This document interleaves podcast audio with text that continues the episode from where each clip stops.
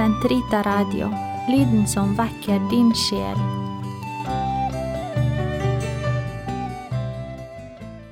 En frelsessoldat. Jeg solgte sykkelen i Jerusalem og tok fly hjem til Kristiansund, hvor jeg var sogneprest på den tid. Flere år senere tok jeg opp jakten igjen på ordet iblant oss. Bli med meg til kongens palass. Der står en menig frelsessoldat og selger krigsropet. Det er utrolig mange år den aldrende soldat i Guds armé har stått der på samme sted og banket på godtfolks trege samvittighet og velspekkede lommebok. Skikkelsen er fortsatt rank som et lys, øynene er milde som hos et barn. Han prater med alle, ikke alltid anstrengt gudelig. Han kjenner jo halve byen med alle dens sorger og bekymringer, også en soldat i Herrens tjeneste har lov å prate om vind og vær og skifte ord og mening om ting som skjer i en liten by langt vest ved havet. Og allikevel, ingen tvil om hvorfor han står der. Han selger krigsropet til inntekt for dem som har havnet på livets skyggeside. Han er så utrolig skjønn, denne staute kriger i armeens hellige uniform. Stemmen er god, øynene er gode, hele skikkelsen lyser godhet. Klart at ordet bor i dette prakteksemplar av kristen nestkjærlighet og lyser på alle hans veier. Fiskeren Johannes Så labber vi sammen ned til småbåthavna. Der står fiskeren Johannes på bryggekanten. Han er en gammel sjøulk på snart 80 år. Boblejakken er av nyere dato, men blankskjermlua er gammel og slitt. Han er blitt noe kutrygget på sine gamle dager, men rullingsen vipper kjekt i munnviken. Blikket dveler kjelen på de gamle fiskeskøytene. Han enser knapt de fine plastbåtene til rikingene. Vi er gamle kjente, Johannes og jeg. Han hilser meg med en kraftig ed, det er et godt tegn, faktisk et kompliment. Når Johannes hilser folk med bannskap, er det et sikkert tegn på at han liker dem. Samtalen går litt trått i førstningen, den gamle hardhausen famler etter ord, finner dem ikke. Det hjelper å fylle ut tomrommene med saftig bannskap, da først blir det flyt over samtalen. Det er ikke sånn at Johannes bare kjenner styggen ved navn, han kan også lokalisere ham, kjenner helvetes geografi bedre enn noen annen. Og så er det sådan med han Johannes at han egentlig er ganske blaut innvendig. Men alt i unge år måtte han kjempe mot alt tårevått føleri jagd ut av sinn og skinn. Det var nødvendig for å overleve. Før krigen rodde han og broren fiske i åpen båt, før daggry trev de årene og fosserodde mot åpne havet. Når nordvesten sto mot land, slet de så blodet spratt av fingertuppene. Det var mye fisk den gang på griptaren, fausken og treflisleia. Med tvihak og Hilstikk fylte de båten med storskei, hyse, lange, torsk og uer. Et blodslitt var det, og livsens farlig å trekke fisk i åpen båt når den slingret i opprørt sjø og når vesten skar gjennom søkkvåte klær og iset i marg og ben. Mørket senket seg tidlig over grunner og skumhvite bølger. Roturen hjem kunne være farlig. Vel på land, seineferdige karer, lasting av fisk tidlig til køys, ny dag med nytt slit. Lettere ble ikke livet som notbass på egen båt. Uker og måneder i Barentshavet, skumsprøyt over relingen når not skulle trekkes, storbølger som skylte mannskapet som sprellende sild bort etter dekket, søkkvåte klær som aldri fikk tid til å tørke før neste tørn, slitet ble en del av Johannes' liv. Aldri fikk han tid til mykere verdier, en saftig ed og han jaget blautskap og flukt. Et kristent menneske er han nå allikevel. Han har respekt for sjølen som rår over himmel og hav, legger seg aldri uten å be sitt Fader vår. Når havet braut som verst eller fisken ble kresen på agn, sendte han opp en bønn eller to om hjelp. Ingen fiskere med vett i behold legger seg ut med Vår Herre eller glemmer ham i nødens stund. Mye av katekismelærdommen som kapellan i Nordlandske kirke banker inn i skolten hans da nikk for presten er glemt. Det viktigste har han beholdt. Ordet lever i Johannes, men ikke i udelt harmoni med hans bannskap. Det er stygt å høre på ham når edene triller ut av ham som erter av en sekk. Men full harmoni er det mellom det guddommelige ordet og Johannes' rettskafne sinn, alltid real mot arbeidskamerater. Vennskapets lov er hellig for den trauste fisker, og så lommeboken som aldri rekker å bli velspekket. Det flagrer fort noen hundringser fra Johannes' hånd når nød banker på annenmanns dør. En forsinket hippie ved Vandamann. Bli med meg til Vandamann.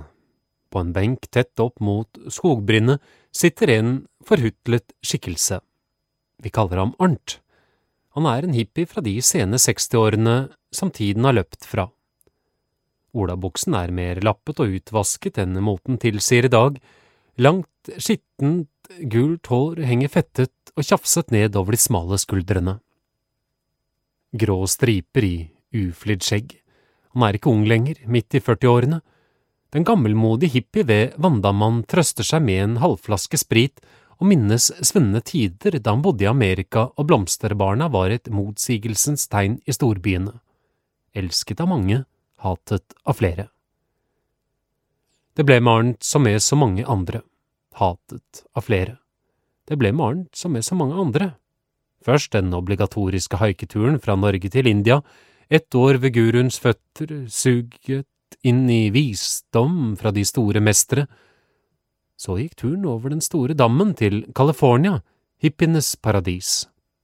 20 000 hippier samlet seg til sommerfestival, her ble den nye bevissthetsfestivalen feiret. Hvor lykkelig, hvor oppglødd var han ikke den gang? Han var med på den store demonstrasjonen mot Vietnamkrigen. Sammen med tusener av andre hippier slo han ring rundt det, etter deres oppfatning, djevlebesatte Pentagon, for med magiske ritualer å tvinge det til å levitere inn i evigheten forsvinne for godt. Det var så eggende utfordrende å slentre omkring i frikede klær og skulderlangt hår og flirte litt med pasifisme, anarkisme, litt okkultisme, litt buddhisme. Det gjaldt å pirre det pilråtne etablerte samfunnet med sine maktstrukturer, klatresystemer, fagidioter og tomme lærdommer. Den opphetede sommeren i San Francisco kuttet Arnt fortøyningen til det borgerlige samfunn. Fast arbeid, ekteskap, familie og eiendom. Make love and not war, smilte han til den morske politikonstabelen og rakte ham en blomst. Men omslaget kom brått og uventet. Psykedeliske stoffer gjorde sitt inntog i hippiemiljøet. Hasjpipa ble en del av hippienes feltutstyr, Arnt merket hvordan bevegelsen mistet taket på seg selv.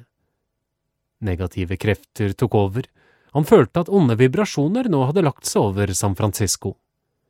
Heroin og voldelig atferd tok over, hyllest til Satan fikk nedslag i rockemusikken. Arnt forsto hvor hen det barket. Derfor nytt oppbrudd, han satte kursen hjem til Norge og sin fødeby Kristiansund, skuffet, deprimert arbeidssky, fattig som en kirkerotte. I vår lille by på de tre øyer forsto folk seg den gang lite på hippiekultur og andre moteretninger. De kaller en spade en spade, spytter i neven og jobber hardt for kjerring, kall og unger. Arnts bybarn betrakter ham med mistroens skjerpede blikk der han går i land fra den store amerikabåten. Ingen vil ha noe med ham å gjøre. Hvem vil ansette en friket hippie i fabrikk eller på kontor. Et snyltedyr, en parasitt i samfunnet, det er det han er, dette magre, langhårede beinranglet av en døgnikt. Selv jentene fniser av ham. Så er det å gå på sosialen og sove en natt eller to hos en alkoholisert venn fra gutteårene. Dagene fordriver ham med ørkesløs slentring langs veier og stier. Det er tomt i sinnet, har vært i flere år nå. Idealene er borte, Hippienes kjærlighetsparadis har vist seg å være et fata morgana. Fortsatt ulmer et håp i ham, og med en gang å finne seg sjæl og helst litt mer. Hippienes arvtaker, New Age, sier ham lite, han vet at han aldri vil føle seg hjemme under bevegelsens vidtfavnede paraply. Så mange sprikende meninger, så mange guruer som forkjetrer hverandre, det blåser hardt på toppene. Guruer har han fått nok av. Nøklene har han forstått at fra nå av må han være sin egen guru. Stille, fortapt i egne tanker sitter han der på benken ved vanndammen. Han merker knapt at jeg nærmer meg. Alkoholen har for noen øyeblikk døyvet den verste smerten i hans forpinte sinn, men ikke slukket håpets gnist. Det guddommelige ordet er ikke langt fra Arnt, det bor faktisk i ham uten at han selv er klar over det. Ordet sa jo, etter at han hadde kledd seg i kjøtt og blod, Jeg er veien, sannheten og livet. Da må saken stå slik at den som søker sannheten, han søker ordet, ordet som er sannhet og opplyser alle mennesker. Den store kirkefader Augustin legger følgende ord i Kristi munn. Du søkte meg ikke hvis du ikke alt hadde funnet meg.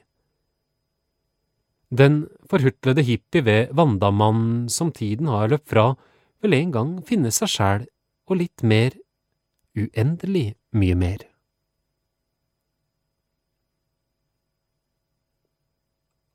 Ateisten Martin Bli med til Gomalandet. Nederst i Stelsmannsgate ringer jeg på dørklokken. Det er sønnen i huset som åpner. Vi kaller ham Martin, 17 år er han. Om han er katolikk eller protestant interesserer oss ikke. Egentlig er han ingen av delene, for i sommer skrøt han av og proklamerte for alle og hvermann at han var blitt ateist.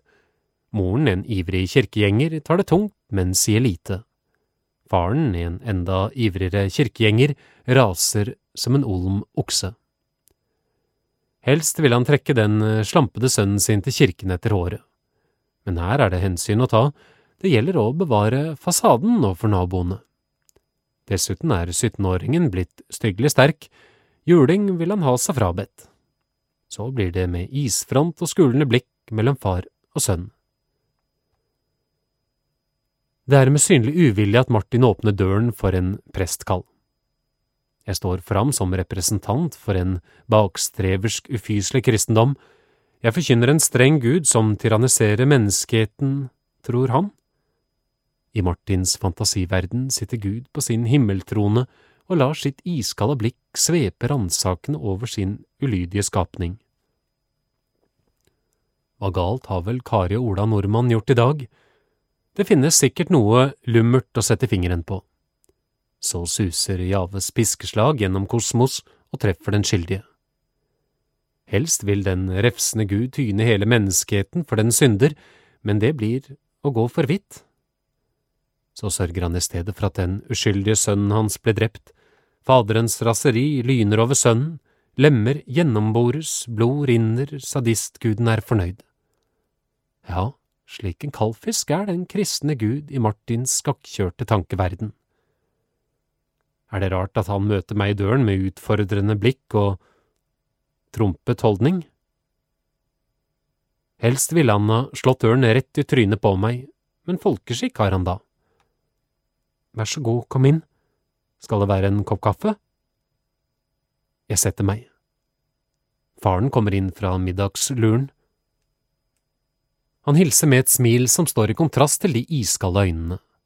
De forsker stikkende i mine. Sønnen ofrer han ikke et blikk, ikke nå lenger, etter det store frafall. Jeg har et ærend å utrette, deretter går samtalen trått, i hvert fall fra min side. Martins far forteller om seg selv, altså det mest interessante på denne jord, når og hvordan han ble kristen, hvilke religiøse opplevelser han har hatt, hvor pliktoppfyllende han har vært i sitt kristenliv. Nestekjærlighet mangler så visst ikke her i gården, unnlater heller ikke å prate skitt om sine arbeidskamerater, de lever i fyll, hor og annen styggedom. Samfunnet råtner. Ja, hva annet kan man vente når tiden er blitt så gudløs? Men Herren straffer sine fravalende børn, ja, som menn gjør han det. Et skulende blikk på sønnen. Telegrammet er sendt og mottatt, Martin stivner til i trass og innbitt motvilje. En tanke slår ned i meg.